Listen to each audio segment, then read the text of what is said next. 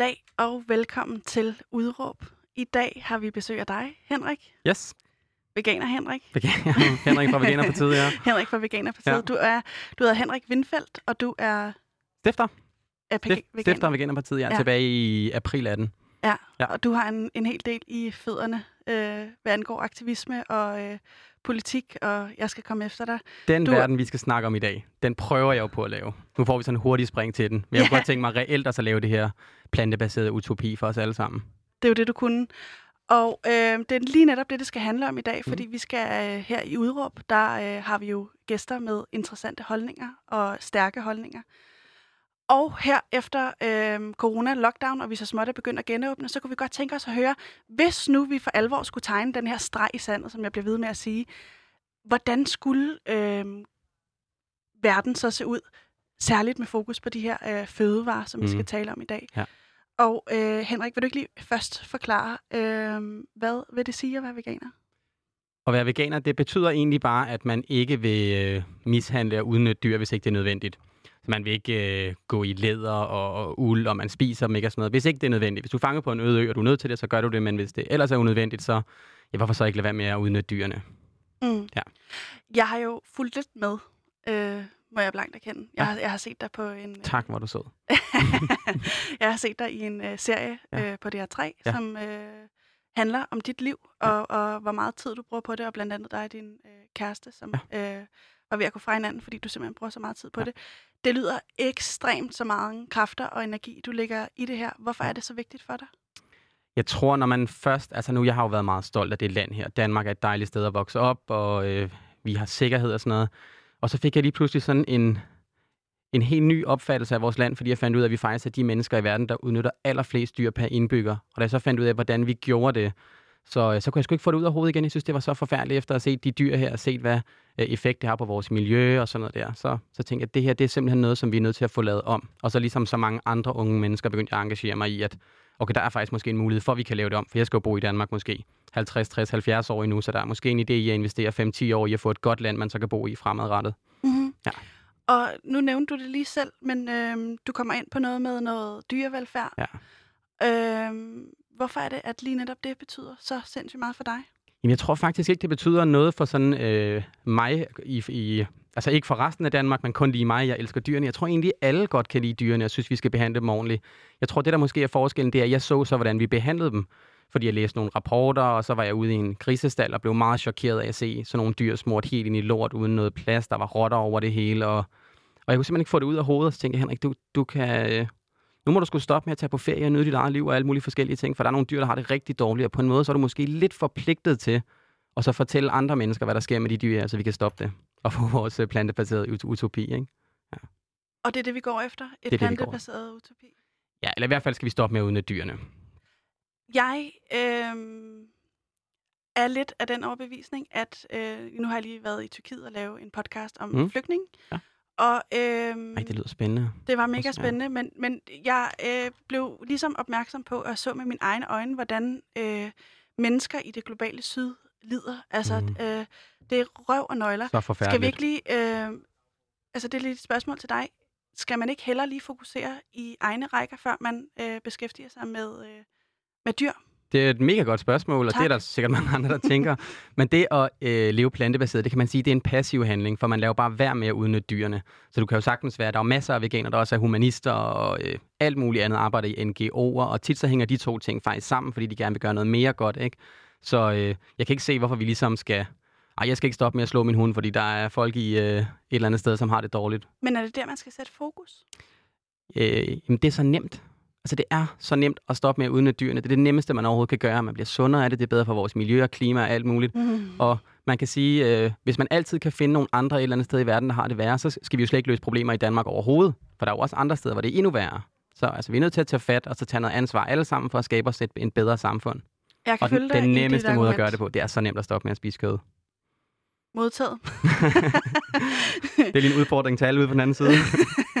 Men Henrik, øh, du har været lidt inde på det, Ja. men øh, hvorfor er det lige netop øh, dyrevelfærd og klima, som, som du vurderer er så vigtigt at, øh, at sætte fokus på? Jamen faktisk lige for os Danmark, der vil jeg mere sige dyrevelfærd og som miljø, fordi vores lokalmiljø i Danmark, det er så forfærdeligt. Altså vi er jo det land i verden, der har opdyrket vores land allermest, så vi har taget allermest natur og så omlagt det til intensiv produktion.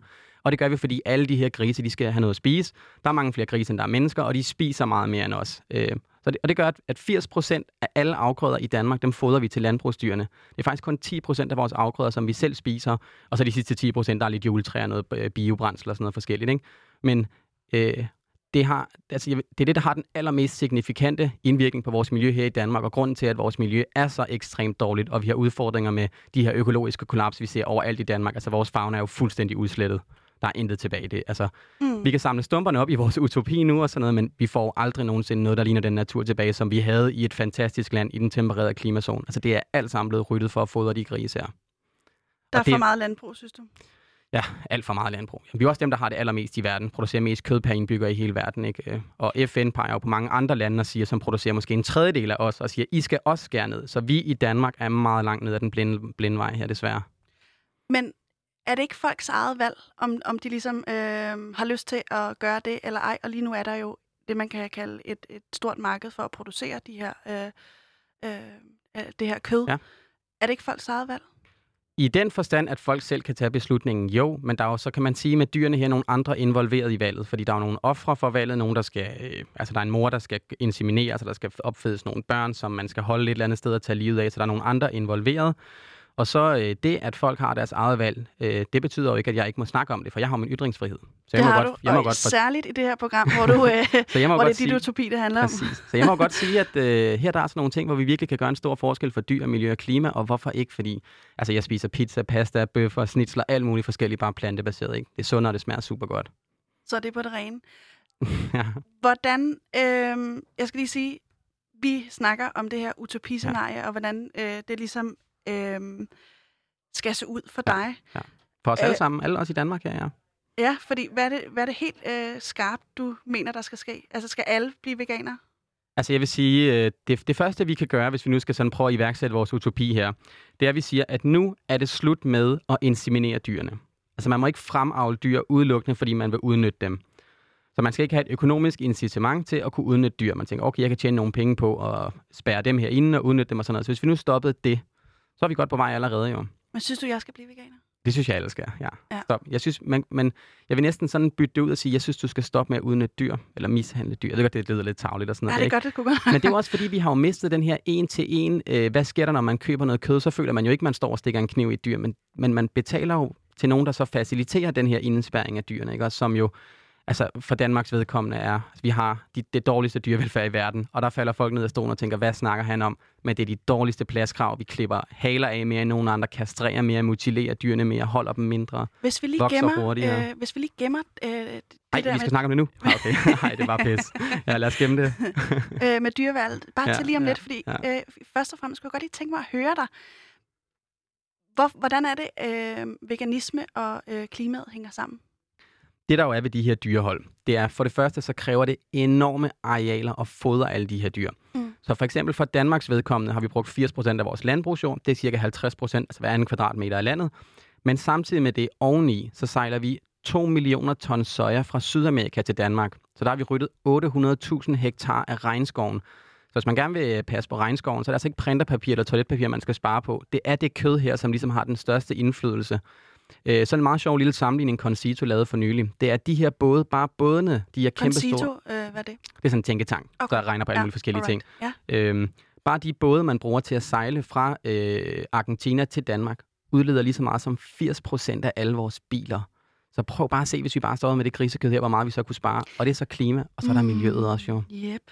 Og øh, kan man ikke bare spise øh, altså, øh, kylling? Som ikke fylder så meget, og som øh, måske er opdrettet her lokalt i Danmark? Jo, der vil jeg, jeg vil sige, opdrettet lokalt i Danmark, det er ikke rigtig sådan et godt argument for klima og miljø, fordi vi øh, producerer så mange dyr, så vi skal importere en masse foder. Så man kan sige, det kan godt være, at dyret er lokalt, men foderstofferne, alt sådan noget, kommer udefra. Og selvfølgelig er det jo altid bedre at, at gøre en, en lille smule, men der siger jeg bare, øh, de der chicken nuggets, det er jeg skal sige, blendede kyllingefødder alligevel, ikke fordi de smager mega godt. Så køb dem plantebaseret i stedet for. Så har du ligesom skåret alt det der ud af ligningen fuldstændig. Der er ikke udnyttet nogen dyr, man har ikke ødelagt miljø og klima og sådan noget der. Man har, Dem har jeg faktisk smagt, de er, de er ret super, gode. de er super lækre. Ja. det er også et godt eksempel, ikke? fordi de er skide gode. er også lidt Øhm, frækt eksempel, måske. Og så er der jo det med de her kyllinger i Danmark, at de slagtekyllinger, vi spiser i Danmark, det er næsten udelukkende de her Ross 308 kyllinger, som jo vokser til deres slagtevægt på 35-40 dage. Og det er så tavligt. Altså, det er så forfærdeligt. Det er 120 millioner af dem om året. Men Yes. lige for at hænge fast i det her med klimaet, Ja. øhm, kunne man ikke i princippet, hvis, hvis det var øh, kun med et, et, et, et klimaet for øje, Ja. kunne man så ikke udlade øh, geder og køer og dem, som er drogtykkere, og dermed producere mere øh, CO2-affald? Og lige det her fokus, det, det har du helt ret i, det, det her med metan, som er sådan en rigtig slem klimagas, der er dårlig for vores miljø. Men problemet det er, at når man skal spise et dyr, så skal man opfede dyret, og det kræver flere ressourcer. Så bare det, at man skal plante noget mere, og man skal høste, og det skal ind i en lade, og det skal fyldes i en fodermaskine, og det skal ind i et dyr, som skal køres til et slagteri, og der er jo altid noget, der er bedre. Øhm, men altså, hvis man står og hælder diesel ud i afløbet, så jamen, det ville være bedre, hvis man hældte lidt mindre ud. Du, være endnu bedre, hvis man bare slet ikke hældte noget i, afløbet. Ikke? Så jeg tænker bare, at det er så nemt for os. Vi er så privilegerede her i Danmark, at vi virkelig kan gøre noget. Ikke? Og vi er jo desværre nogle af dem, der udleder allermest CO2 per indbygger på planeten. Ikke? Og det er så nemt for os, for vi kan bare tage noget andet end i butikken. Så jeg er sådan lidt også over for resten af verden, der ikke har de samme muligheder. Synes jeg, skulle vi er lidt, lidt, lidt tavlige og ignorante. Vi ikke ligesom prøver at gøre vores indsats, for vi har om nogle mulighederne for det. I modsætning til det. Altså helt, vi er helt i den modsatte gade. Vi producerer allermest, spiser allermest per indbygger. Ja, det Mm. kunne jeg godt tænke mig, at vi stoppede med. Det er derfor, jeg hedder Henrik fra Veganerpartiet. Ikke? Veganer Henrik, som Ja. jeg kalder dig. Præcis. øhm, jeg har snakket med en, Ja. øh, en som hedder Karin Østergaard, og hun er ekspert i lige netop øh, klima og miljø og fødevare. Fedt. Og øhm, jeg kunne godt tænke mig, at du lige hørte, øh, hvad hun har at Kan vi lige høre, hvor hun kommer fra inden? Ved vi det? Uh, ja, det finder jeg lige. Okay, super. Det vil være rigtig godt, hvis man bliver bevidst om, hvad man foretager sig, og så spiser kød på, på en, en måde, hvor man tager hensyn til, jamen ikke bare klima, men både til miljøet og til dyrene, og i det hele taget, hvor, hvor meget det belaster vores forskellige produktioner. Produktion af animalske produkter, de belaster jo alt andet lige klimaet mere, eller i det hele taget vores miljø på alle måder, mere end produktionen af planter. Men så er der jo en hel række faktorer, som man også kan tænke på, når man, når man øh, kigger på det her, fordi altså for eksempel når vi har et økologisk kredsløb, så er der jo en balance mellem dyrene og planterne, sådan så at planterne lever af dyrenes gødning, som, og dyrene lever af planterne, så der er jo en sammenhæng i det her. Så man kan jo ikke bare sådan lige tage, tage dyrene helt væk. Mm. Men du siger du, at der er en, øh, at det koster mere på klimakontoen at spise, spise kød. Øh, så tænker jeg bare, hvad med øh, sådan noget som øh, avocadoer, som ikke bliver produceret her i landet? Altså, er det ikke også øh, transporten? Er det ikke også noget, man skal øh, regne ind i billedet nu, når øh, vi producerer så meget kød, for eksempel? Jo, selvfølgelig skal man tænke på, på transport, men det kommer igen an på, hvad type transport der er, og hvordan øh, de forskellige produkter belaster øh, klimaet eller miljøet som sådan. Fordi hvis vi kigger på produktion af, af kød, så er transporten faktisk øh, forsvindende lille i forhold til selve produktionen af kødet. Fordi det, det er i produktionsledet, at, at belastningen ligger.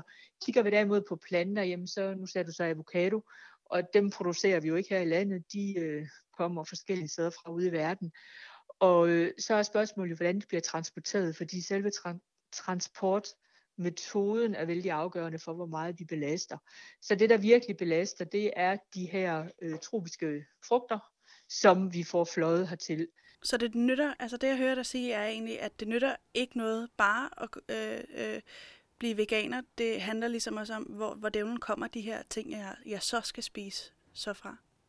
Ja, altså der er rigtig, rigtig mange aspekter i det, og det handler jo så også om, hvis man bliver veganer, altså man, man skal jo ikke bare kigge på miljø, man er jo nødt til at kombinere miljø og sundhed, fordi vi er jo nødt til at have, så vi får vores, næringsstofbehov øh, dækket. Så derfor er man jo nødt til ligesom at kombinere de her to ting, og det gør sådan meget det, det nyeste litteratur, der er kommet her inden for det seneste års tid. Det handler jo rigtig meget om, hvordan vi får kombineret miljøet og sundheden, så vi får vores næringsstoffer, men vi belaster miljøet mindst muligt. Der må vel også være stor forskel på, om man spiser øh, oksekød, som øh, har et relativt højt CO2-aftryk, og øh, hvis man for eksempel spiser kylling, eller øh, tager den skridtet videre og spiser insekter, som nogen jo også øh, eksperimenterer med.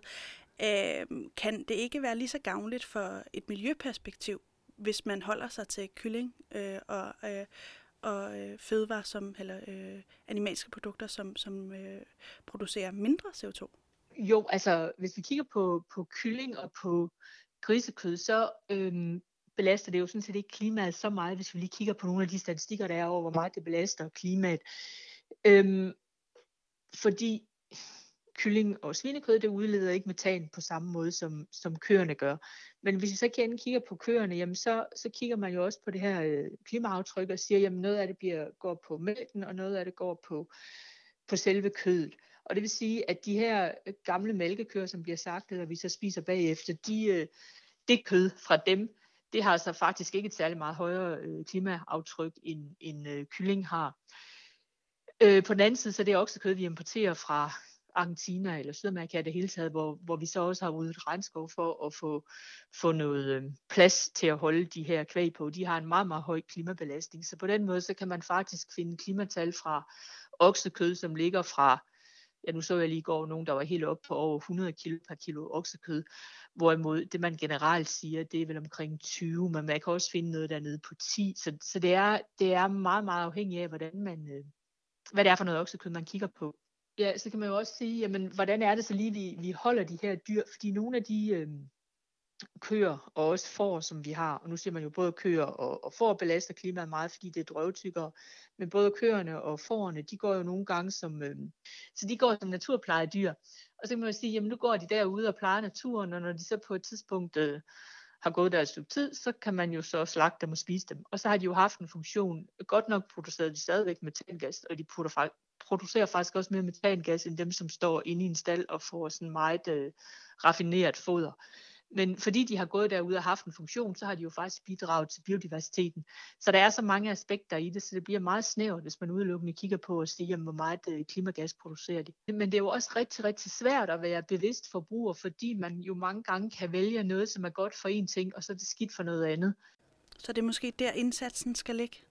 Ja, på at få forbrugerne til at forstå, forstå det, eller træffe et valg, Jamen det kan, det kan man jo sige, fordi hvis vi tager for eksempel sådan noget som buræg, som nu er ved at ikke eksistere længere, der kan man sige, at høns i bur, de er meget, meget effektive til at producere æg, og de spiser ikke særlig meget i forhold til et æg, så der har vi en meget, meget effektiv produktion, som faktisk ikke belaster klimaet særlig meget. Hvorimod hvis vi har de fritgående økologiske høns, så kræver de meget plads, og de kræver mere foder, så det enkelte æg vil faktisk have en større klimabelastning der, end hvis vi tog burægget.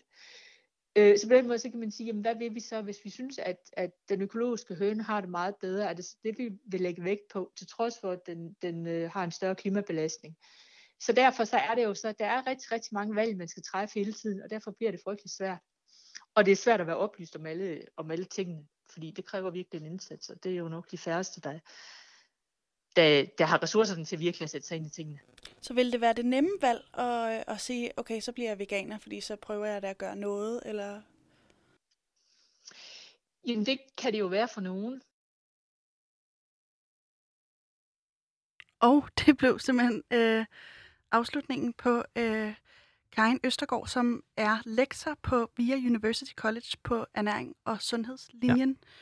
Ja. Øhm, men er der ikke noget i det her, Henrik, med, at, at det handler om at gøre be- brugerne bevidste, eller dem, der køber fod, øh, fødevarer, gøre dem bevidste, så de øh, kører mere lokalt, i stedet for at blive øh, nødvendigvis altså, veganer? Jeg synes, det gjorde forfærdeligt ondt i hjernen at høre på Karin snakke, og hun er jo lektor i ernæring og sundhed, men hun ved, beklager Karin, det gør jeg virkelig, intet om miljø og klima. Fordi oh. hun, jeg, for hun snakker jo fuldstændig imod, hvad IPCC og Lancet og alle de andre organisationer, mm. de siger.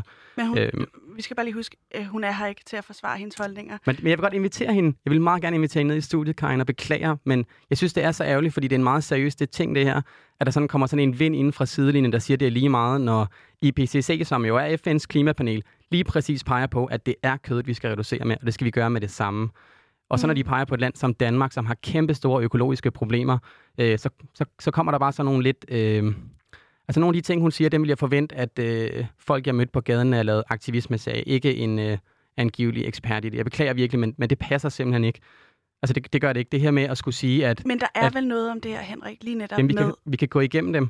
Fordi nu snakker vi om noget med det her øh, fødevare, eller de her grøntsagsimport. Mm. Men absolut største fødevareimport, vi har her i Danmark, det er foder til vores grise. Du kan slet ikke sammenligne det, om så alle danskere udelukkende spiste avocado. Men det der med tallene, Ja. øh, øh, fordi jeg er sikker på, at du ved sindssygt meget om det, og øh, Karin kan ikke for at sige, ved du hvad, Henrik, det er jeg uenig med dig i, fordi hvis man kigger på sådan og sådan og sådan, Men vi kan ikke, Så jeg kunne vi godt kan ikke lade hendes statement stå, Ja, men jeg fordi kunne det er godt to... tænke mig, at, øh, at, vi, at vi lige prøvede at, at se på, hvad dævlen er det egentlig? Øhm, der er vel noget om det her med, at, at man, skal, man skal købe mere lokalt. Altså det, hun ligesom opfordrer til, det er en bevidsthed om, øhm, hvordan fødevarene er produceret, og øhm, øh, at, at, at man ikke transporterer avocado og bananer og sådan noget, øh, fordi det, det har øh, et aftryk på miljøet også. Alt ja. koster vel ikke Men det, jeg siger, det er, at den argumentation, hun bruger, det er, at man skal ikke lade bilen stå og tage cyklen, for der skal også olie på cykelkæden. Altså, det giver ingen mening. Og begynde at snakke om det her med, at vi jo også skal bruge gylde. Et af de største problemer, vi overhovedet har i Danmark, det er et enormt kvælstofoverskud. Så, så det er derfor, jeg simpelthen må stille spørgsmålstegn ved, hvor øh, Karin hun har sin argumentation fra, og jeg vil rigtig, rigtig gerne invitere hende ind til os, så hun selv kan svare. Det må blive en anden god gang. Ja, lige øhm. Præcis. Fordi det var, det var sgu bare, øh, ja, 3-4 minutters øh, Men nu, nu, Henrik, nu er de virkelig tavlige, og så siger boomer-retorik. Vi kan ikke gøre noget, det gør ikke nogen forskel alligevel. Men der kommer rapport efter rapport efter rapport ud, som siger, at vi skal gå i en plantebaseret retning. Og dem, der sådan er mest konservative, siger, at vi skal spise 14 gram kød om dagen.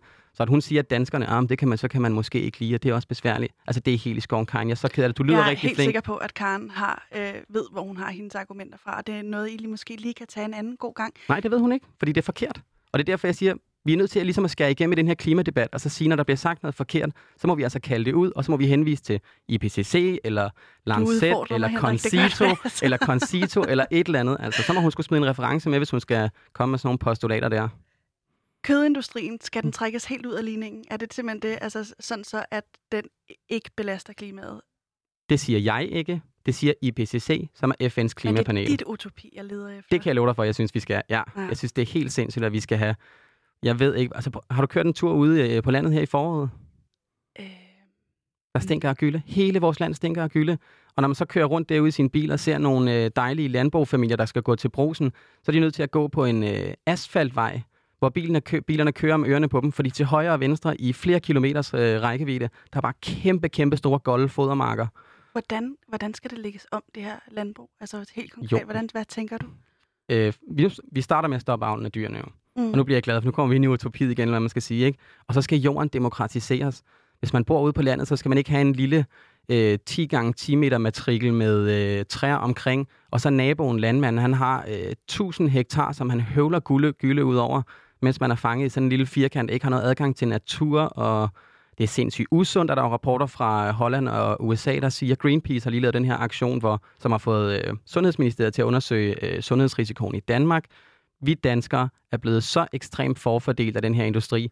Og det er vi, fordi meget af den er de her øh, store godsejere, som så har haft alt det her jord, som man, man har skulle omlægge til, at man kan få nogle statskroner for. Det er så blevet foderproduktion, så skal man have noget støtte til grisestalle. Altså, det er sådan en tavlig vej, vi er gået ned af med alle Så danskerne. start i det små. Er det det, jeg hører dig sige? Nej, stop med det kød nu. Ej, det vil jeg sgu sige. Det vil jeg så sige. Ja. Om, ikke, om ikke andet, så lad os stoppe med at lave det til eksport. Fordi øh, altså, det borgerlige argument, det er jo, at vi, vi har jo pligt til at producere her i Danmark, for vi gør det mest klimavenligt. Det er der ikke noget belæg for. Der er ikke nogen rapporter, der siger det. Jeg har spurgt efter dem i to år. Til gengæld, så tager vi jo alt det her soja fra Sydamerika, mm. sejler det til Danmark, føder det ind i svinene, slagter dem og sejler det til Kina. Det du lyder ved ikke særlig klimavenligt. sindssygt meget om det. Det kan jeg sagtens høre, Henrik. Men det er også et seriøst problem, min ven. Det Ja, er det virkelig. Og det, det negligerer jeg ikke overhovedet. Det er derfor, jeg har inviteret Tak til de lytter, der stadig hænger på her. nu bliver det altså, nu skruer vi bissen på. Men vi skal jo ende et dejligt sted, for vi skal jo ende i et utopi, jo. Og det er jo det, vi skal. Ja, vi skal. Vil du ikke fortælle mig dyrevelfærd? Ja. Hvorfor er, øh, du har nævnt det tidligere, er det, øh, er det virkelig en ting, som, øh, som man skal tage i betragtning? Øhm, altså, det kan jo være svært for mennesker at sætte sig i dyrs sted, og jeg er da helt enig i, at dyr og mennesker ikke er det samme. Men jeg tror, en gennemsnitsdansker vil ikke kunne gå ind i en grisestal og sætte sig ned blandt grisene i en time bare. De vil ikke kunne holde det ud i en time, fordi der er intet plads når man ser de her grise, man ser billeder af dem, der er smurt ind i, i øh, noget mørkt noget, så tænker man, om det er nok jord. Der er ikke noget jord inde i stallene. Det er lort. Altså, de, de går, bor, sover, lever, spiser, alt sammen i deres eget pis og lort. Mm. Og det gør jo så også, at vi får alle de her, det er sådan lidt corona-relateret, lidt et greb. Selvfølgelig kommer corona jo ikke fra danske grise, men vi får en masse andre sygdomme. PRRS, MRSA øh, varsler hospitalerne, og det er forfærdeligt, der er en eksplosion. 12-dobling af MRSA på de sidste fem år. Mm. Altså, der er bare så mange grunde til... Du, er, det, er det sådan... Undskyld. Det er forfærdeligt, det vi gør ved dyrene. Nu kan du, mens, mens, jeg kan lige snakke videre, mens du hoster. Men det, det, er, det, det er, jeg, vil, jeg vil sige, den måde, vi behandler dyrene på i Danmark, det er i min optik vandrygt og mishandling. Og det, altså, at tage en lille grisunge for det første og fede dem op på 6 måneder til 100 kilo, så de får et væld af produktionssygdom. Det er jo den her avlsgenetik, og ja. det er så tavligt. Lægger du menneskelige følelser ned over de her dyr? Jamen altså, i den forstand, at det jo er et pattedyr, der har et, øh, et... Altså på samme måde som en hund, vil jeg sige. Det vil jeg nærmere sige, at jeg sammenligner det med, ikke? Hvis der er nogen, der slår en hund, så synes jeg også, det er tavligt, ikke? Jeg synes ikke, det er lige så tavligt, som hvis man slår et menneske måske, men, men man skal ikke slå sin hund, og man skal heller ikke mishandle grise eller Men kan man, avl, kan man på den måde øh, rangere øh, over liv? Altså er der nogen liv i din optik, som er mere værd end andre? Er det okay at slå en, en, en insekt ihjel, for eksempel? Eller, øh, altså kan man, kan man det? Der vil jeg næsten trække os tilbage til den første sætning, som er sådan, hvad skal man sige, det som øh, at leve plantebaseret eller veganisme handler om. Så frem det ikke er nødvendigt, så vælger man ikke at udnytte dyrene. Hvis der sidder en øh, myg og suger på din arm, så må du vurdere, om du synes, det er nødvendigt at klaske den eller ej. Og det er der mange, der gør, også veganere, det er super fint. Men hver eneste dag, morgen, middag og aften, øh, i alle sine måltider, og vælge at udnytte dyr der, det kan jeg simpelthen ikke se meningen i. Det jeg så siger, det er, vi danskere, vi er nogle søde mennesker. Jeg har heller ikke været veganer hele mit liv, og jeg var sgu også en sød fyr, inden jeg begyndte at spise plantebaseret. Men ligesom med olieindustrien og bankindustrien, så er der en kæmpe, kæmpe stor industri her, som gerne vil have et, vores penge i supermarkedet, men to, endnu mere vil de gerne have skatteborgernes penge, altså igennem støtteordninger. Og der er de nødt til at overbevise os alle sammen om, at det er nødvendigt, og vi tjener masser af penge på det. Det ikke er dårligt for miljøet, og jeg ved ikke hvad. Og det passer altså bare ikke. Og når du har sagt det, så siger jeg, at øh, jeg har snakket med øh, Hans Dam, som er... Øh, Forhåbentlig mere fornuftig end Karin. Karin er super fornuftig. Ja, hun lød rigtig sød. Det er bare ærgerligt. Det er hun. Ja. Og øh, Hans, han har en delvist økologisk øh, bundegård. Sådan. Det er ikke Hans Hansen, der har en bundegård, det er Hans Dam i det her tilfælde. Ja. Og øh, jeg, jeg synes faktisk, det var øh, mega, mega spændende at høre om netop hans øh, svineproduktion. Mm. Og vil du ikke lige prøve at høre med her? Jeg håber ikke, du bliver lige så øh, spids. Jeg vil meget gerne høre det, ja. Min produktion er jo baseret på, at, øh, at livet for dyret har en ende den dag, at det opnår den optimale slagtevægt. Grise øh, som sådan øh, er jo tillidsfulde dyr og så videre, men, men jeg har ikke indtrykket af, at, øh, at de går og tænker, jamen øh, det er forfærdeligt liv, jeg har her, øh, og, og det ender alligevel bare med, at jeg skal slagtes, for det er de jo ikke. Det er de jo som sådan ikke klar over. Jeg behandler dem øh, rigtig godt, og kan se alle mine dyr i øjnene hver eneste dag. Øh, men det er med det formål for øje, at, øh, at føde øh, nogle andre mennesker med, med god føde, og så samtidig, at jeg tjener nogle penge på det. Har øh, grisene det hos dig øh, dårligt? Nej, det har de i hvert fald ikke. Altså grisene hos mig, de, øh, de har det øh, alt sammen godt. Alle de grise, jeg får ind ad døren, og det er cirka 2.500 om året, øh, de, øh, de kommer ind i flokke, øh, på, øh, som de har gået sammen med deres mor der blev født ude på marken. De kommer ind i flokke på cirka 350 grise og går i, i et rum på, eller ikke et rum, men indendørs har de adgang til et areal på omkring 500 kvadratmeter, og udenfor har de adgang øh, til, til et areal på øh, cirka samme størrelse. Grisene kan selv vælge, om de vil være indenfor, eller om de vil være udenfor, om de vil spise, eller om de vil drikke, eller om de vil sove, eller om de vil lege, eller de vil øh, rode med nogle af alle de ting, som vi lægger ud til dem, som de kan, kan have god dyrevelfærdsmæssig adfærd i. Så jeg synes bestemt, at alle mine grise har det godt. Men der kan selvfølgelig ske det, øh, med dyr, der leger ligesom med mennesker og så videre, at man får leget voldsomt, og, øh, og en, en gris, der springer op på en anden, kan forårsage, at øh, den underste gris måske skrider ud og brækker sit ben eller sådan noget. Så har dyret det jo ikke godt længere. Så er det jo mit øh, ansvar som landmand at vurdere, kan denne her gris øh, komme sig, hvis den får lov til at gå ind ski for sig selv, og dyrlægen har tilset, er der så en chance for, at den kan komme sig, eller at det mest øh, velfærdsmæssige, at det er simpelthen at aflive den nu og her. Så, så i få tilfælde kan der selvfølgelig være et dyr, som ikke har det godt, men det bliver der taget hånd om med det samme. Men jeg er 100% overbevist om, at grisene, der har deres griseliv hos mig, de synes, de har et lykkeligt griseliv i den tid, de er hos mig. Øh, men det er fuldstændig ligesom et, øh, et kæledyr, hvad kan man sige. Du kan jo, øh, du kan jo sagtens øh, have anskaffet dig et dyr, øh, og, og synes, at, du er, at det har det rigtig godt ved dig. Men hvad er formålet? Er det, er det dyrets formål, at du har et kæledyr? Er det det, det er sat i verden for? Er det for, at du kan komme hjem og klappe den og sige, Nå, det var dejligt, at du gider holde mig med selskab i, i de fire timer, jeg er vågen efter, jeg er kommet hjem fra arbejde, og, og indtil jeg skal sove, og så den halve time, vi er sammen om morgenen. Er det, er det et værdigt liv for et dyr i princippet?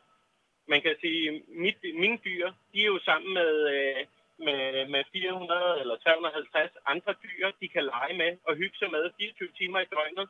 Og jeg så kommer til tilbyder dem, øh, de har adgang til fod og vand hele tiden, øh, rådebedmateriale og beskæftigelsesmateriale, som de hygger sig med, øh, har de adgang til øh, 24 timer i døgnet. Og, og der kan man sige, jamen, øh, de, de har jo hele tiden nogen at lege med, og selvfølgelig kommer jeg med nye spændende sager til dem, hver gang jeg kommer i stallen. Og, øh, og det er jeg øh, to gange om dagen, øh, hvor jeg går ind og tilser, at alle grisene har det ordentligt, og at der er det mad og vand, de har behov for, giver dem nyt halm, de kan ligge i osv. Så, så jeg vil sige, jeg tror faktisk, at min svinproduktion har lykkeligere dyr, end den labradorhund, jeg har i mit stuehus. Men alle mine produktionsdyr, de, øh, de har legekammerater i siden. Så på den måde synes jeg egentlig, at, øh, at jeg sagtens kan forsvare den måde, vi er dyr på. Det, det er jeg 100% overbevist om. At der så er nogen, der, der synes, at de ikke har behov for kød, det, det synes jeg er fuldstændigt af deres valg. Jeg har, jeg har gjort et valg med min svinproduktion, som gør, at jeg kan øh, se mig selv og forbrugerne fuldstændigt i øjnene og laver et luksusprodukt, øh, som der er nogen, der har råd til at købe, og som andre kunne få råd til at købe, hvis de måske spiser knap så meget kød. Ja, her hørte vi ham, og mm. øhm, hans hovedpointer er jo, at øh, hans grise har det godt. Ja. Og øh, måske endda bedre end den labrador, han har inde, inde i stuen. Vil man ikke som, øh, som levende individ hellere have et liv, end slet ikke at have det? Øhm, der er lige nogle forskellige, det kan man ikke sige. For så vil jeg jo altid kunne sige, at jeg har avlet en hund, jeg tæsker den, er det ikke bedre, jeg har avlet den frem? Mm. Det, så er det lige meget, jeg tæsker den. Så det argument kan man ikke rigtig bruge til at Men snakke her, om liv. i det her Hanses tilfælde, hvor, hvor Jeg vil- dyrene har jeg vil meget gerne kommentere på Hans. Og, Og så vil jeg gerne spørge, hvordan kan det være, der er taget en økologisk svineproducent ind? fordi jeg kunne godt tænke mig at have nuancerne med i det her. Men der, er- det økologisk svineproduktion, det, vi, altså vi har det i Danmark, det eksisterer, men det er jo Mm. ikke industrien. Det er jo, Men det, øh, det er for at finde ud af, hvor går grænserne for dit utopi, ikke? Ja. Altså, fordi... Men vi skal bare sikre os, fordi det jo er vigtigt, at lytterne derude ikke tror, at det er sådan en grisbor i Danmark. For det første, så kunne vi jo sådan, man kan lige regne ud, hvor mange griser han har, hvor meget plads der var. Han siger Det- selv, det er et, økolo- eller det er et Ja, det er ja, økolo- luksusprodukt, ikke? Helt, helt sikkert, men det er jo sådan et, øh, det, der er ikke nogen sådan øh, det beskyttede titel på et luksusprodukt. Mm. Det var med. Og så var der noget med de grise, når de, når de når de er blevet fede nok til, at man kan spise dem. Så de lever måske 6, 7, 8 måneder. Det er jo børn, altså det er dyre unger, vi spiser, ikke også? De skulle leve ligesom en hund 10-15 år. Øhm, men jeg kunne rigtig godt tænke mig, at lytterne ude på den anden side gør sig helt klart med sig selv, at når vi snakker om grisekød her i Danmark, om det er bacon eller nakkekotelet eller hvad det er, så er det grise, der bor, når de vejer 100 kilo på 0,65 kvadratmeter, og smurt ind i deres eget pis og lort.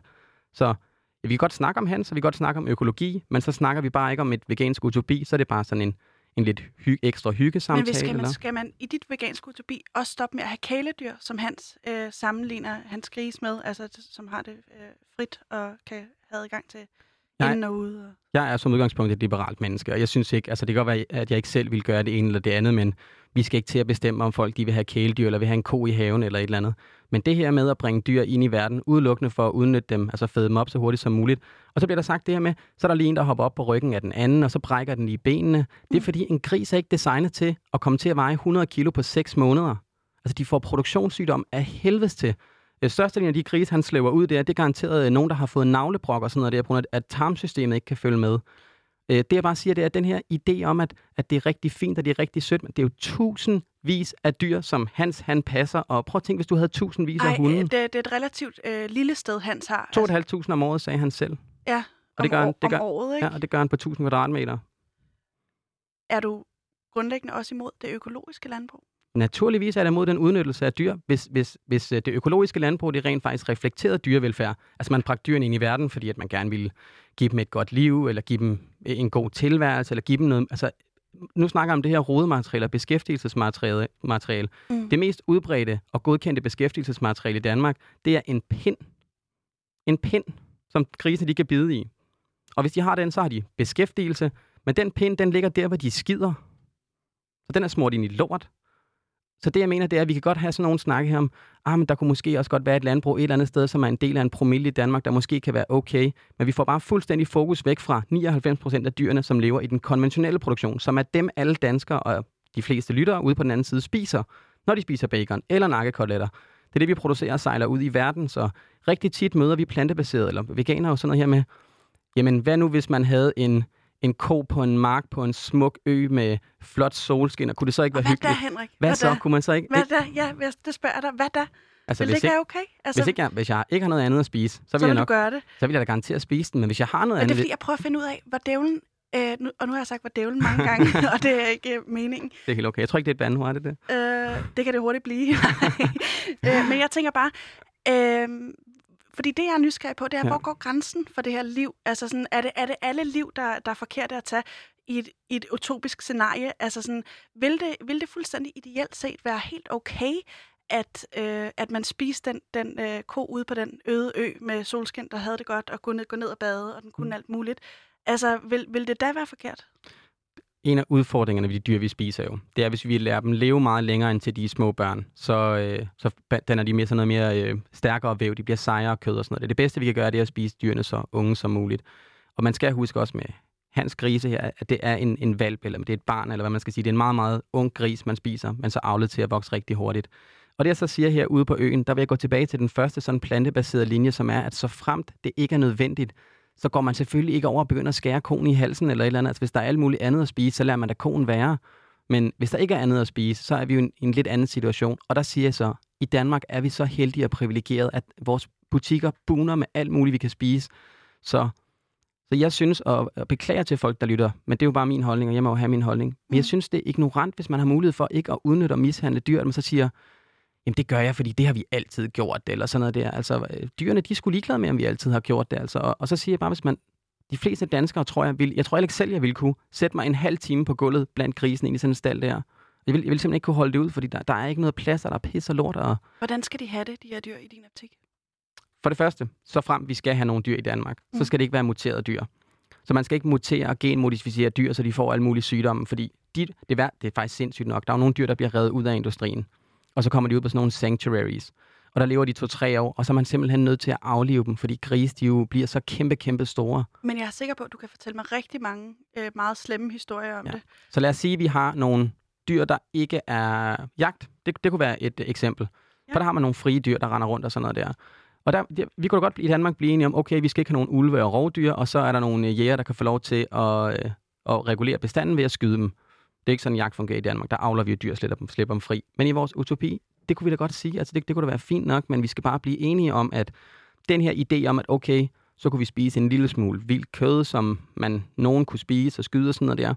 Den lille drømmetanke-idé, og der måske kunne lade sig gøre, den må ikke pacificere os over for det her gigantiske problem, der kommer fra den her industri, som udnytter de her 220, 30, 40 millioner dyr om året i Danmark. Så jeg vil rigtig gerne snakke men om ligger du, Men ligger du ikke øh, nu sammenligner du også lige dig selv. Altså, du kunne ikke øh, tilbringe øh, et øjeblik i den grisestand. Mm-hmm. Men er det ikke lige netop det, vi også snakkede om lidt tidligere, med at tillægge dem menneskelige værdier?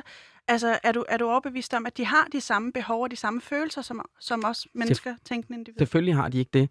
Men hvad med en, der er mindre øh, klog end os to, for eksempel, der heller ikke har de samme følelser, eller en, der er noget, et eller andet andet begrænset på en anden måde. Det jeg mener, det er, at man kan ikke, de er ikke lige præcis som mig, så derfor må jeg udnytte dem lige som jeg har lyst til. Altså, mm. Det er jo ligesom roden til alle de problemer, de største, vi har haft i menneskeheden. Ikke at, ikke at det er sådan en til en med dyrene, vel? Jeg sammenligner ikke dyr og mennesker.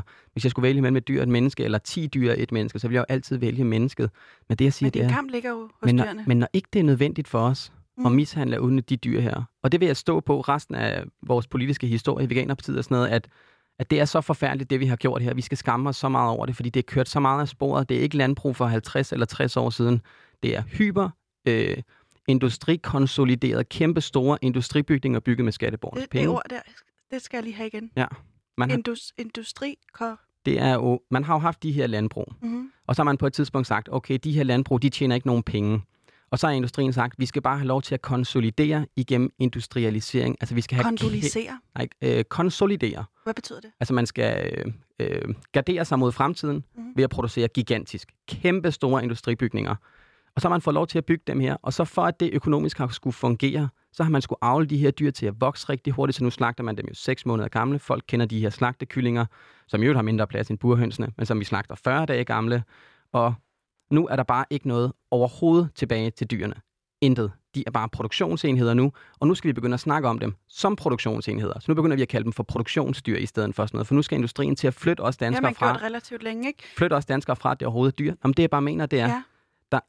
en ting er, øh, der er jo altid øh, grader af mishandling. Mm. Så selvfølgelig er det jo værre, hvis der er nogen, der øh, tæsker deres hund hver dag, i forhold til, hvis de kun lige giver den en lussing, når den gør af naboen eller sådan noget. Begge dele er forkert, men der er jo selvfølgelig grader af det. Og det jeg så siger, det er, at der hvor 95 procent af de danske dyrehold i dag er kommet hen, det er ikke Hans, der har øh, en lille stald ude bagved, han går og hygger sig med og sådan noget der. Det er kæmpe, enorme dyrehold, der producerer 100.000 grise om året. Men i dit utopi, Ja. vil det så ikke være et mål at netop nedlægge den øh, landbrugsindustri, som du kritiserer enormt meget? Altså Ja. den her masseproduktion og genmodificering, og jeg skal komme efter dig. Ja. Øh, kunne, det, kunne det ikke bare være et mål at lave dem mindre og lave dem mere bæredygtige, dem der så eksisterer, og lade, øh, lad det være på... Øh, øh, lad det være mere på grisenes præmisser? Det er jo et utopi, vi snakker om. Det er vi det snakker altså. om den perfekte. Og Ja. den perfekte, det er altså ikke, at vi stadig udnytter dyrene, ikke det er nødvendigt. Og, og vi kan jo ikke bare lægge det om. Vi har, skatte, det, har kostet, det er det største infrastruktur i Danmarks historie. Er det ikke sindssygt? Jo, men du siger, vi kan ikke bare lægge det om. Vi kan ikke bare lægge det om. Hvad, der er, der er, er, hvad er så målet? de, vi, altså, hvis vi nu, så kommer, nu kommer vi ind i sådan lidt mere politisk, hvad man så retningen så skal være. Ikke? Men vi er nødt til Mm. at... Øh, øh, staten er nødt til at blive part i de forhandlinger, der kommer med kurator, når de her svinelandbrug, de skal lukke. For jorden skal demokratiseres. Folk skal have jorden tilbage. Folk, der bor ude på landet, de skal ikke gå på en eller anden asfaltvej, hvis de vil op til brusen. Så skal de have mulighed for at gå rundt. Altså værmandseje, ligesom i Sverige, du skal kunne slå et telt op alle steder. Have dit land tilbage. Og de, de her godsejere, mange af dem, de har jo ejet jorden, inden der øh, overhovedet var demokrati, dengang vi havde enevælde. Og så har de fået lov til at beholde den. Og nu får de så millioner af kroner. En af Danmarks rigeste familier, dem ude på Brænved, de får 6 millioner om året, tror jeg, det er i- deres grundstøtte. støtte. Men kommer, det, kommer vi lige ind på noget andet nu, fornemmer jeg ikke? Om det er sådan det, det praktiske, vi skal jo ligesom implementere det. Og det jeg så siger, det er, øh, de her 4.000, øh, 3-4.000 konventionelle svine, 3.500 og sådan noget, efter hvordan man opdeler dem, de, de, de skal gå konkurs. Det skal de. Wow. Og, og vi, vi, det vildeste det er, at vi går dem jo ikke engang konkurs ved at stoppe med at købe deres produkter. Vi skal jo bare tage skatteborgernes penge fra dem. De betaler heller ikke energiafgift, ligesom alle vi andre gør. Vel, de får billig diesel, billig strøm. Jeg er Det er imponeret over din drivkraft, Henrik. Det er jeg virkelig. kontanthjælpslandbrug, Men jeg kan det er mærke, at at jeg skal også holde en lille smule fast i dig, Ja. for det ikke øh, løber, løber helt Ja. øh, ud af den her utopi-scenarie. Det ville da være dejligt, Mohammed, hvis vi inde derude. I, Nå, men så gør vi det, Henrik. Det lyder som en god idé. Det ja. jo, og det jeg så Men- siger, det er, at det er jo ikke kun mig. Det er jo også IPCC, altså FN, der siger de her ting. Så det er ikke sådan, at jeg har fundet på det hele. Det er en god idé, Henrik. Jeg er sikker på, at du har alle, alle dine ikke? argumenter i orden, og jeg er sikker Ja. på, at der også er nogen, der, øh, der vil være de helt rigtige til Jamen, det er mere for ikke at tage kredit, sådan at folk tænker, at han er da nok klog. Altså, jeg refererer jo bare til, hvad de klogeste mennesker i verden siger, vi skal gøre. Det er svært at sige, hvem der er de klogeste mennesker i verden, Den brede videnskabelige Men- konsensus, min ven. Vi er nødt til at komme ud over det her boomersnak med, at vi ved ikke, at der er lidt på den ene og den anden side. Der er en bred videnskabelig konsensus her. Det er der virkelig. Så bred, så FN skriver det i en rapport og vejleder alle deres medlemsstater til at gøre det. Hvem skal bestemme, hvad jorden skal bruges til? Det skal jeg. det skal demokratiet selvfølgelig. Det skal vi danske borgere jo. Vi skal jo bestemme, hvad den, hvad den skal bruges til. Og så skal vi have landbrugets lobby ud af Christiansborg. Så det skal ikke være sådan, så det er over på Akselborg, over ved Landbrug og Fødevare, at man laver landbrugspolitik. Jeg synes jo lidt, og nu nævner vi en anden, der ikke er her, men at ham Martin Mal, som er formand for den største lobbyorganisation, han er ligesom det første bum på vejen til et grønt Danmark, fordi han bliver ved med at slå på den her tromme med, at jamen, vi kan sagtens lave det om, og vi kan lave øh, mad til køer, der ikke, øh, så de ikke prutter og alt muligt forskelligt. Men hvorfor begynder vi ikke at forske i de her dejlige plantebaserede fødevarer, som alle jo siger, vi skal spise? Men lige nu bestemmer demokratiet jo allerede. Nej. Det gør det ikke. Fordi her i demokratiet, der er øh, de danske borgere er ikke rigtig så optaget af det her. Så derfor så bliver rigtig meget politikken draftet over på Akselborg, altså lavet klar derovre. Og så er der sådan en svingdør mellem landbrug og fødevare Akselborg. Så Karen Hækkerup kender vi jo alle sammen tidligere øh, fødevare, fiskeri og miljøminister. Hun blev direktør af Landbrug og Fødevare. Søren Gade fra Venstre blev direktør af Landbrug og Fødevare. Martin Mal er gammel Venstreborgmester.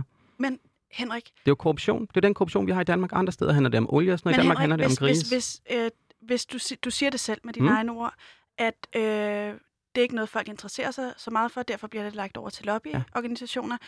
Er det så ikke, fordi der er taget en kollektiv beslutning om, at, at det her er noget, vi ikke øh, har lyst til at forholde os til? Jeg elsker dine spørgsmål, fordi det leder ned af det her, øh, det er sådan et lidt fatalistisk spørgsmål, kan man sige. Men øh, det industrien har brug for, industrien har egentlig ikke brug for, at vi alle sammen er dyremishandlere, eller dyreplager, eller synes, det er okay at udnytte dyrene og sådan noget. Det eneste, industrien her har brug for, Martin Merl har brug for, det er, at vi velvilligt, velvilligt kigger den anden vej, så han kan få lov til at fortsætte. Ikke?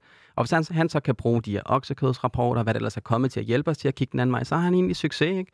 Men for os danskere og sådan noget der, der skal vi altså tage vores land tilbage, tage vores natur tilbage, og så skal vi lade være med at være, men det er jo helt åbenlyst for alle, at vi skal ikke være øh, det mest kødproducerende og opdyrket land i verden.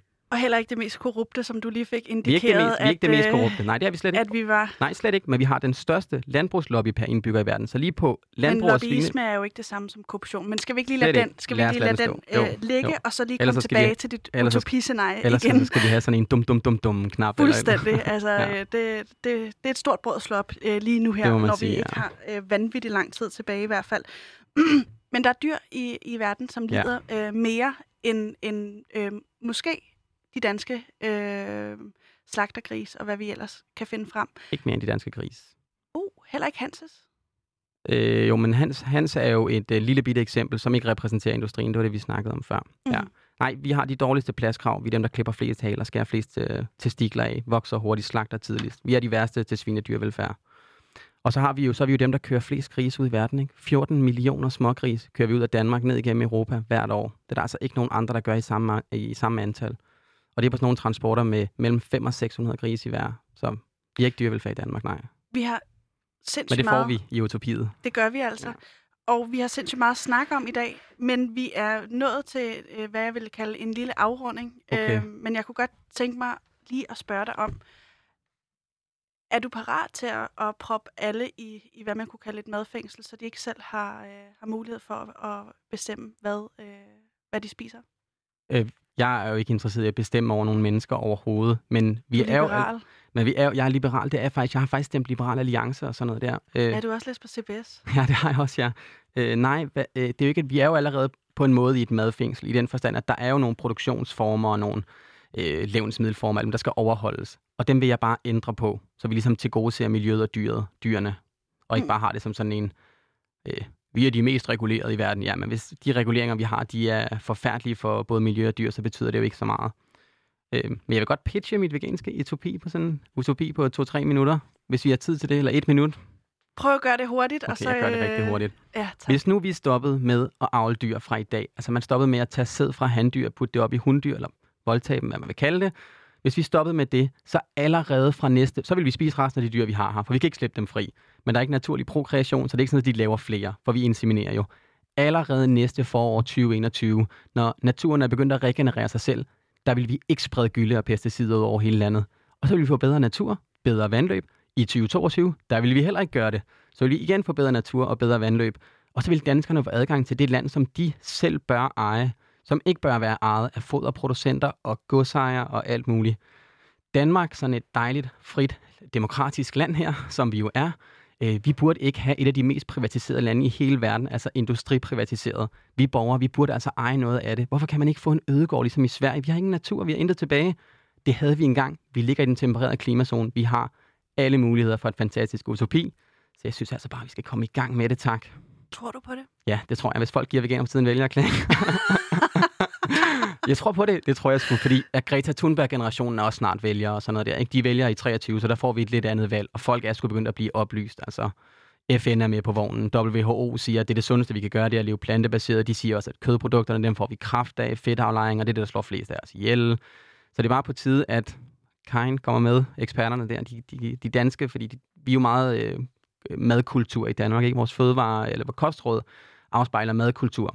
Så det afspejler ikke, hvad der er sundest eller bedst, eller bedst for miljøet. Det afspejler vores madkultur. Og det er industrien rigtig glad for. Efter din holdning i hvert fald, ikke? Og Ej, det er ej. den, vi har fokus på Det er nu. faktisk deres egne ord. Men det, er, men det er faktisk din holdning. alt i dag har været min på. holdning. Fuldstændig enig. Men øh, hvem har ansvaret for, at øh, dit utopi her skal, skal, skal bestå? det har vi alle sammen. Og det vil jeg sige til alle, der sidder ude på den anden side. Hvis der er noget her i verden, man godt kunne tænke sig skal ændres, så skal man selv påtage sig ansvaret. Fordi hvis det ikke var dit ansvar, så var det allerede sket. Ikke? Hvis der var noget, fællesskabet ville gøre, så havde du ikke haft det problem her.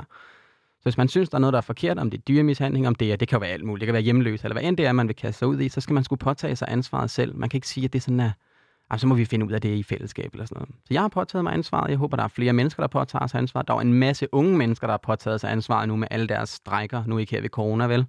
Men med alle deres strækker og sådan noget. Jeg synes, det er så fedt, folk bliver mere politiske, mere ansvarsbevidste, og så engagerer sig i at få et godt land til 2030. Altså, vi har 10 år til at rydde op, og det ser ikke ud til, at vi når det, som det er lige nu. Hvad tror du, der holder folk tilbage? Det kan være, altså det er jo, altså alle folk har jo alle mulige ting, de skal tænke på, og stresset hverdag, og så får man ikke lige læst det, og får man ikke sat sig ind i det, og så er det også bare nemt at, altså hvor, hvorfor, hvorfor er der folk, der ryger, hvorfor træner alle ikke, og sådan noget, ikke? Altså det er jo besværligt ligesom at skulle omstille sig. Et større spørgsmål, synes jeg, det er, hvorfor, hvorfor har Christiansborg ledt os ned ad den vej her? Hvorfor har man ikke ligesom sagt, okay, Danmark, vi ved godt, vi har investeret rigtig mange milliarder i det her, men vi tjener ikke nogen penge på det. Vi tjener penge på Grundfos og Danfoss og Vest. Altså, sådan, altså dansk kødeksport er ingenting i vores eksport. Det skal folk også vide. Vi tjener ikke penge på det overhovedet. Radikal Venstre har lige spurgt på en beregning, som siger, at vi taber penge på at lave det her. Det er næsten det mest forfærdelige. Det er, at vi taber penge på det. Fordi det koster så meget i miljøgenopretning og ammoniak, sundhedsskadeligt, bla, bla bla. I min optik lyder det lidt underligt, det du siger der. Er det ikke sindssygt? Øh, men det kan man jo lige øh, læse op på, hvis man øh, betvivler det, ligesom, ligesom jeg. Men det er sådan nogle underlige ting, der gør, at en liberal mand, der stemmer Liberal Alliance, han lige pludselig begynder at sige, hold da fast mand, der er noget helt galt på den her fløj over i det borgerlige. Og jeg har jo også snakket med nogle af de borgerlige politikere og sagt, hvordan kan det her ske? Og de alle sammen siger, det er fordi Venstre er fuld af bundemænd, og vi kan ikke lave det om. Hvis man kan lide, øh, hvad man hører her, Henrik, og gerne vil, vil, øh, vil hjælpe dit utopi på vej. Ej, hvor er det sød, du spørger. Selv tak. så samler vi jo vælgererklæringer. For man skal bruge de her 20.000 vælgererklæringer for at kunne blive opstillingsberettet. Og det er slet ikke for, altså det er ikke en stemme på os, det er bare så vi kan komme på stemmesedlen. Og det gik rigtig godt, og vi har samlet tre fjerdedel, men så kom corona, og nu kan vi ikke gå på gaden mere, og vi er sgu en lille smule på røven, for at være helt ærlig. Det er vi faktisk, fordi vores vælgererklæringsindsamling, altså vi var på biblioteker og skoler og alt muligt hver eneste dag, og samlede en 300-400 e-mails hver dag, og det kan vi ikke nu. Så havde vi lidt penge i foreningskassen, som vi kunne købe nogle annoncer for, og dem er vi ved at have brugt. Så vi er vi er lidt udfordret, det vil jeg sige. Vi kæmper alle sammen, og vi knokler, og vi kommer ikke til at give op. Vi kommer til at nå det. Spørgsmålet er bare, hvor mange tænder, der skal hives ud på vejen. Tre ting, vi skal have med os videre. Ja, du skal blive veganer for din egen skyld, din egen sundheds skyld. Så skal du gøre det for dyrenes skyld, og så skal du gøre det for vores fælles miljø og klima. Det var simpelthen det. Tusind tak.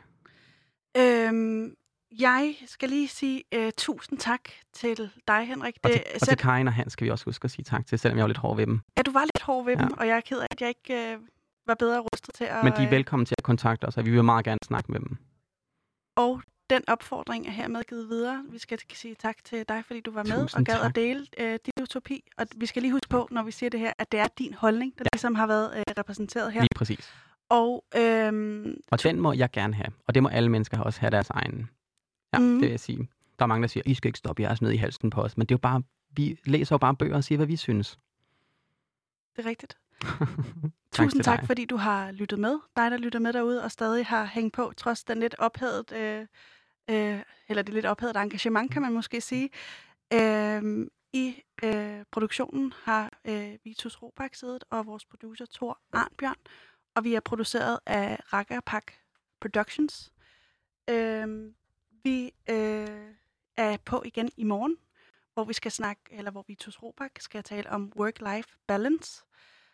Det bliver også virkelig, virkelig spændende. Hvis du kan lide, hvad du har hørt, så kan du gå ind på øh, din podcast-app og finde Udråb, som er programtitlen på det her program.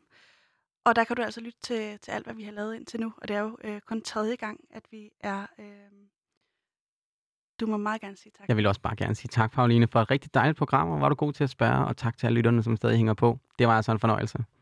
Ja, jeg synes, det er vigtigt. Men det her veganske utopi, det er jo svært at lave, så det blev sådan lidt, vi skulle ned i, i detaljerne, og så blev det sådan lidt ikke så meget utopisnak. Men der er jo mange ting, vi skal have ændret på. Og den første, det er Martin Merkel, han skal ud. Jeg beklager Martin, men din tid er kommet. øhm, ja, det har været en, en fornøjelse at have dig med i dag, og jeg, jeg, jeg, jeg synes, det sætter stof til eftertanke, selvom jeg godt nok synes, du er øh, øh, hård i din retorik, men du, du ved meget om det, og jeg, kan, jeg, jeg har virkelig respekt i hvert fald for den måde, som du øh, går til øh, det her på, fordi jeg kan, jeg kan mærke, det er noget, der ligger dit, dit hjerte meget nært. Mange tak. Øhm, Og er du sød, Pauline? Var det flink af dig at sige? nu bliver jeg rød i hovedet. det skal du ikke blive. det gør jeg. Øhm, Henrik, hvad skal du bruge de næste øh, dage på? Arbejde på at skabe det utopi her. Det er det, jeg har gjort de sidste to år. Det fortsætter jeg med jer. For jeg synes, det er så vigtigt. Det er så vigtigt for os alle sammen. Og jeg håber, folk de vil hjælpe til på deres egen lille måde. Om det er mindre kød, hvad end det er. Gør, hvad I kan derude. I hvert fald, tak for alt.